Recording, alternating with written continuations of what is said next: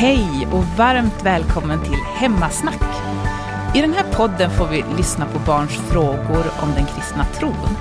Och svara på frågorna gör teologen Martin Helgesson. Vi hoppas att det här kan vara en inspiration för dig som förälder och ge redskap för att prata tro i hemmet. Det är SALT, barn och unga i EFS som står bakom podden. Välkommen till Hemmasnack. Är ni välkomna till dagens avsnitt där vi kommer fokusera lite på en, en särskild lyssnarfråga som vi har fått in här till Hemmasnack. Men först så vill jag såklart välkomna vår eminenta panel, Berta, Josef och vår teolog Martin. Varmt välkomna. Den här gången kommer vi snacka en del om hur kan man egentligen veta att man är kristen? Eller vem är egentligen en kristen? För det har vi fått in en intressant lyssnarfråga om. Eh, och jag minns faktiskt eh, när jag gick i skolan att det var en del som som kunde eh, fälla sådana här kommentarer om att ah, är du en sån här superkristen? Eller, och att det kunde finnas diskussioner om vem, vem är egentligen en riktig kristen? Och att det kanske fanns vissa, ja, en del som eh, tyckte att det fanns ett A och ett B-lag, eller att vissa är kristna på riktigt och andra inte, de är inte riktiga kristna. Och för titta hur de lever eller så, eller vad de gör för någonting. Så det är en ganska svår fråga faktiskt. Handlar det om vad man gör eller hur man lever eller vad är det som avgör egentligen? Så här lyder frågan. Hur kan man säkert veta att man är kristen? Ja, Martin, mm. vad har du för tankar? Eller vad har vår panel för tankar? Kanske vi ska börja med. Ja, varför inte börja med att höra vad Josef och Märta tänker om det här. Om att hur man kan beskriva att vara en kristen, eller så här, hur man är, lever som en kristen. Ja, det är hur man kan veta om man är en kristen. Om man är en kristen. Eh... Tror du att Jesus uppstod? Tror du att eh, han är Guds son? Ber du och jag litar du på Gud och Jesus? Skulle jag säga att du är kristen. Mm. Mm, ah, okay. Det har ju stått i Bibeln också att man kan göra dåliga saker men bli förlåten av Gud, av Jesus.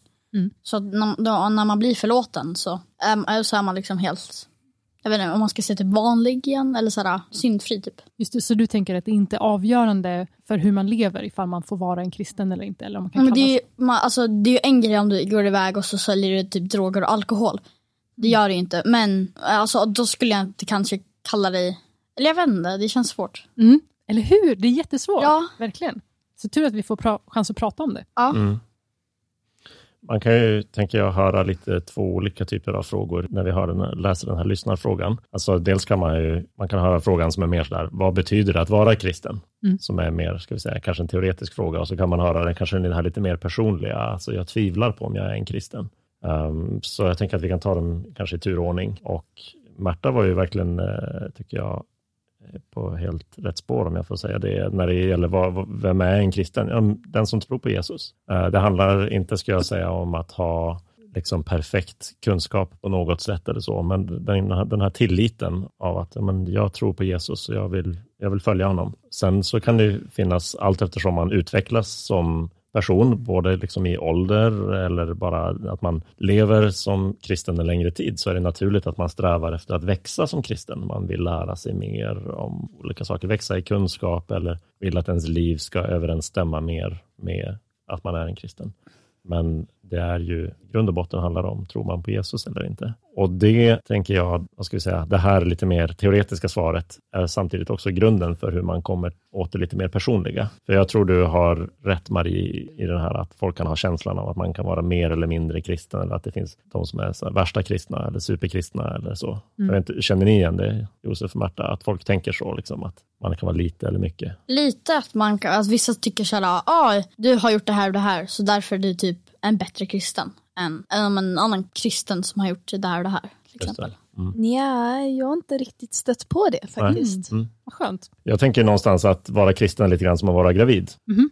Jag har inte varit gravid, så jag kan inte dra av personlig erfarenhet, men antingen är man det eller så är man det inte. Mm. Det kan ju synas jättemycket på vissa, eh, att nu är bebisen snart eh, färdiggräddad. Men antingen är man det eller, inte, eller så är man det inte. Och då handlar det inte om att just liksom värdera sig själv. Är jag en bra kristen? Är jag bra nog? Är jag troende nog? Och sådana saker. Utan eftersom kristen är den som tror på Jesus, så är det man ska komma tillbaka till. Och när man ska liksom, tvivlar man på om man är kristen, så, så ska man vända sig till Jesus istället för att bara titta på sitt eget liv. Därför att det handlar inte om att vara bra nog eller att ha en tillräckligt stark tro. Det handlar ju om hur stark den är som man tror på, mer än hur stark min egen tro är. Så en jättesvag tro på Jesus är mycket bättre än en superstark tro på vad som helst annars, skulle mm. jag säga. Så lösningen när man har de typerna av tvivel, är jag verkligen en kristen? Så ska jag säga, men fokusera på Jesus istället för att fokusera på dig själv. Och är du rädd eller osäker eller någonting, ja, men då kan man, kan man be till Jesus. Jag känner mig svag i min tro, så hjälp mig. Och i samma ögonblick, tänker jag, som man tvivlar på om ens tro är bra nog, har man ju insett att man behöver Jesus, behöver hjälp av Jesus för att tro. Så att, eh,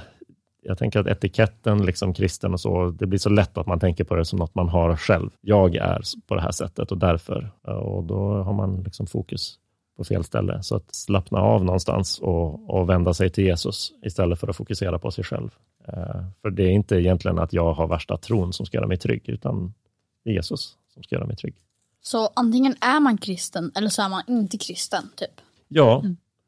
alltså det kanske inte känns lika glasklart eller påtagligt ibland. Men har vi en gång liksom tagit emot Jesus och vi vill tro på Jesus, men då är vi kristna, då, då bedöms vi inte utifrån betyg eller Gud sitter inte och liksom granskar oss och letar efter fel, utan då hör vi ihop med Jesus och då kan vi vara trygga i det. Mm. Um, sen har jag en annan fråga. Är man kristen bara för att man är döpt? Det är bra att du tar upp det här med dopet, för jag tänkte komma till det också, för det spelar, spelar roll. Det har med den här frågan att göra. Ja, alltså man kan säga så här, i idealfallet så är ju tanken med dopet att det ska ju vara liksom ett yttre tecken på någonting som är verklighet inombords. Mm. Jag vet en som säger så här att, eh, jo men jag är döpt så jag är kristen. Mm. Mm. Jo, för dopet är ju en, en, liksom en markering av att Mm. Eh, antingen att jag vill vara kristen, om man har valt själv att döpa sig, eller av att mina föräldrar har liksom burit fram mig till Jesus, till och med innan jag själv var stor nog att veta om det. Eh, men de hade för avsikt att liksom uppfostra mig till och, lära mig att tro på Jesus. Så jag tänker att dopet är någonting man kan luta sig mot på det sättet att men vill jag tillhöra Jesus så är dopet för mig en, ett tecken på att men Gud har varit verksam i mitt liv. Jesus har gjort någonting för mig i dopet. Men om man tänker att amen, dopet spelar spelar så mycket roll att vi kan springa ut på stan och, och liksom hälla vatten på folks huvuden så är det, är det lugnt. Ja, men det, det måste liksom motsvaras av, av den här personliga avsikten någonstans i det. Jag tror på det dopet faktiskt betyder. För det är inte bara vattnet i sig som gör något, utan det är meningen, innebörden i handlingen. Men det som är bra med dopet, en av sakerna som är bra med det med dopet och nattvarden är ju att är vi osäkra på oss själva eller känner tvivel på hur det går för oss och så, där, så har Gud gett oss konkreta saker som vi kan se och känna. Eh, dopet som en gång och nattvarden som eh, kan vara i vissa församlingar varje söndag och andra gånger lite mer sällan, men där man verkligen, eh, nu hör jag ihop med Jesus. Det är lika konkret och påtagligt som vattnet som har strukits över mitt huvud eller som man kanske blivit nedsänkt i eller som brödet och vinet i nattvarden. Så Gud, har, Gud vet att det är svårt för oss att liksom, relatera till det som är lite abstrakt och därför har Gud också gett oss konkreta saker som illustrerar det. Eh, en fråga dock, vad, tanken barndop och dop, varför har man barndop?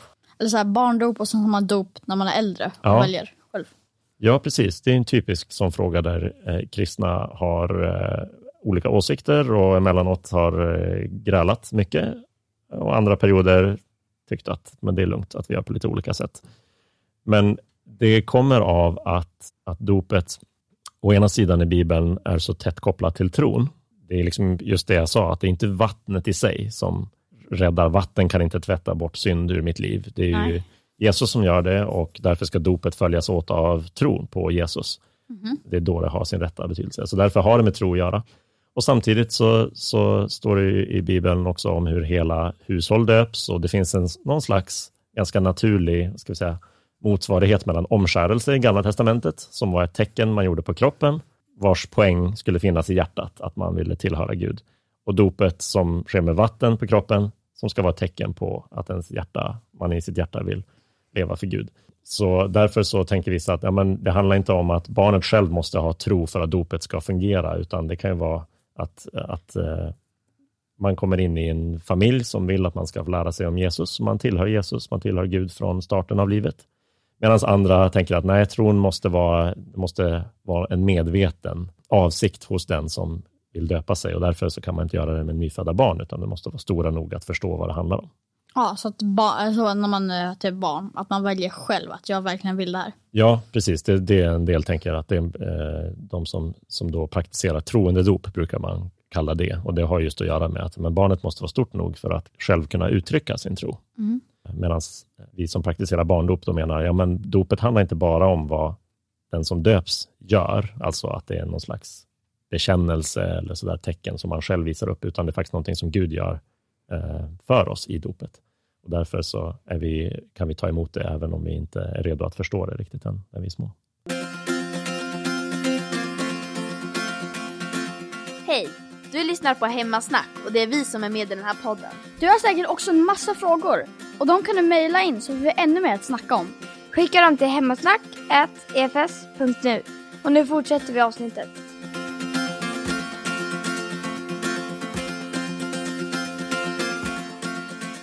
Men judarna, de har ju omskärelse när, Ja. när man är barn, Ja, när precis. man föds. Mm. Eh, det är inte själv ett val som man gör när man är så ung eller så liten. Nej. Deras, eh, vet du typ, de tänker om, alltså varför man inte gör det när man själv är liksom äldre. Ja, det, är ju, det går ju tillbaka till Guds befallning till Abraham. Man kan läsa om det i första Mosebok 17, om hur omskärelsen var ett tecken som Gud sa till Abraham, det här ska ni göra i er släkt och i ert, ert folk. Eh, och ehm, det, är- det är inte barnets val och samtidigt så i, i Bibeln så är det någonstans naturligt att vi människor föds in i en värld där vi inte kan välja allting. Jag kan ju inte välja hårfärg eller kroppslängd eller vilket kön jag föds till eller någonting sånt. Det är så mycket som, vilken familj jag föds in i kan jag inte välja, eller vart någonstans i världen.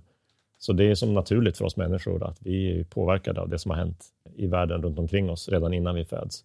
Och eh, på samma sätt är det naturligt att föräldrar får chansen att, att forma sina barns liv från att de är små, för barn behöver ju föräldrar som gör det, inklusive leder dem i tron på Gud. Mm.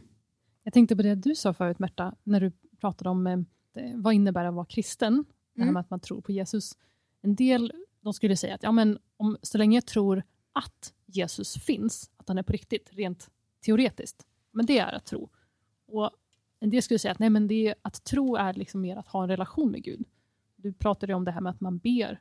Så vad tänker du att det egentligen innebär att tro och det här med att på något vis ha en relation med Gud? Tänker du att det räcker med att ja, men jag tror att Gud finns eller på vilket sätt kan man ha en relation med Gud? Den är klurig. Mm, riktigt klurig. Jag vet inte riktigt om jag, ska, om jag har något bra svar på den. Nej. Du har redan svarat lite förut faktiskt när du sa att man kan be och sådär. och Man Mm. kan prata med Gud.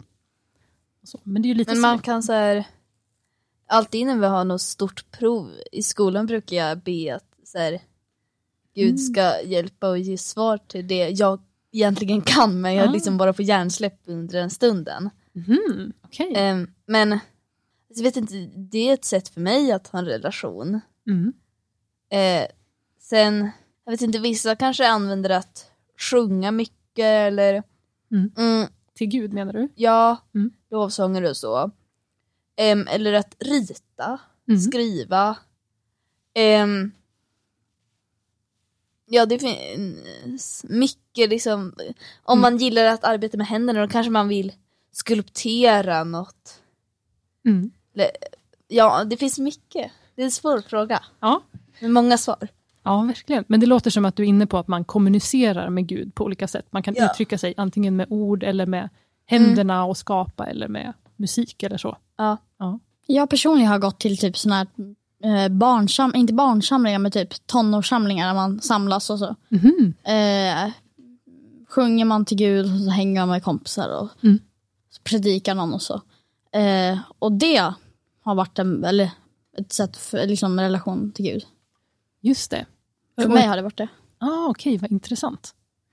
Ett sätt att lära känna Gud. Liksom. Ja, men liksom på, när man står i lovsång och så sjunger man med massa andra också. Mm. Och sen så har ju Bibeln självklart också varit en stor del av det. Just det, att få lära känna Gud genom Bibeln menar du? Eh, ja, att man Mm. liksom typ läser det han, hans ord. Mm, Okej. Mm. Det är jättebra tips och svar allihopa. Det tycker jag är häftigt i, i alla de exemplen ni ger på hur hela, hela våra liv kan ju liksom uttrycka vår tro på Gud. Alltså genom Mm. skapande man gör eller saker man tycker om. eh, och att be eller mer liksom direkt sådär, göra eh, det man kanske förknippar med, med kristna, om man går till kyrkan eller till ungdomsgrupp och om man sjunger och sådär. Men även det vi gör utanför kyrkan kan vara något som vi gör till Gud eller liksom i riktning mot Gud. För Gud, det är Gud som gett oss händerna som vi skapar med eller fötterna ja. vi springer med och allting. Men just att det är någonting som kommer inifrån, att hjärtat har en, en tro på Gud. Jag tänker Marie, din fråga där med, med tro, liksom tro att och så, att det är, ju, det är ju någonting man vill ha med där. Man vill ju tro att Gud finns och att Jesus finns på riktigt. Men att det är en, det man eh, det handlar kanske om mer än bara kunskap, också just till det här med tillit någonstans. Att det är Jesus eller det är Gud som jag litar på. Det är därför Märta ber till Gud inför ett prov. För att du litar på att Gud är för dig och kan hjälpa dig med det i en ja. situation.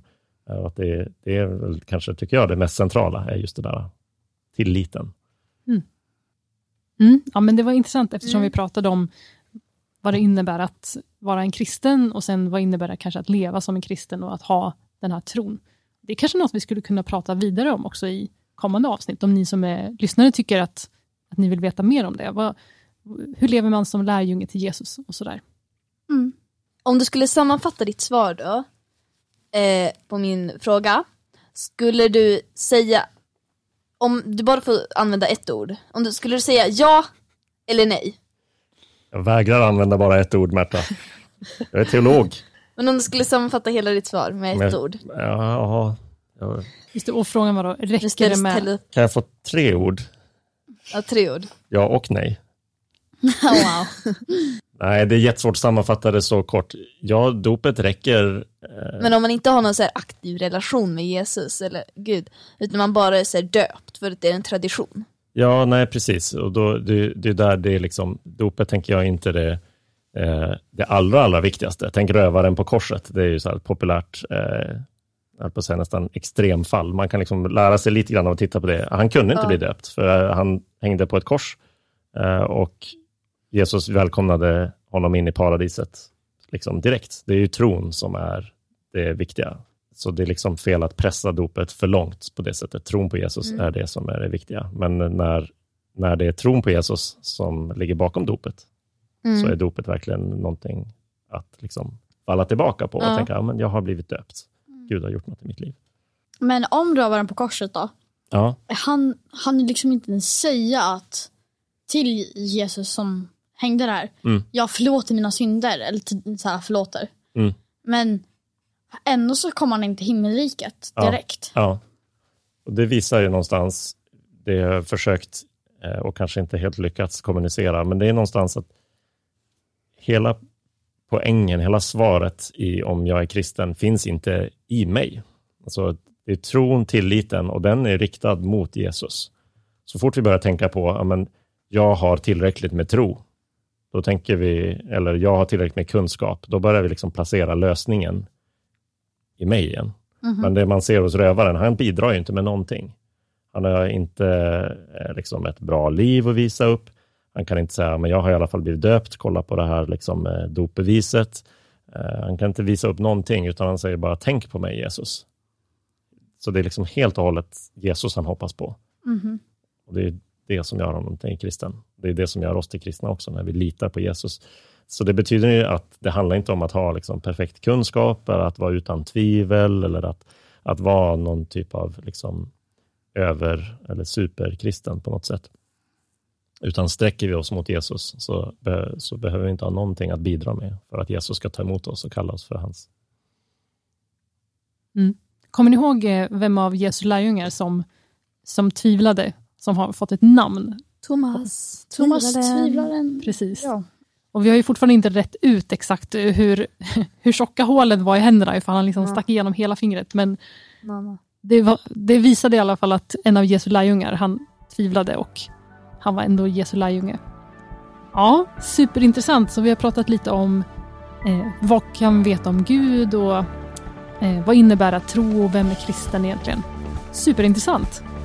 Så tack för den här gången så ses vi nästa gång. Ja, hej då! Hej då! Så roligt att du har lyssnat på Hemmasnack. Nu har även du som lyssnare möjlighet att ställa dina frågor till Martin. Maila gärna frågorna till hemmasnack snabel-a efs.nu.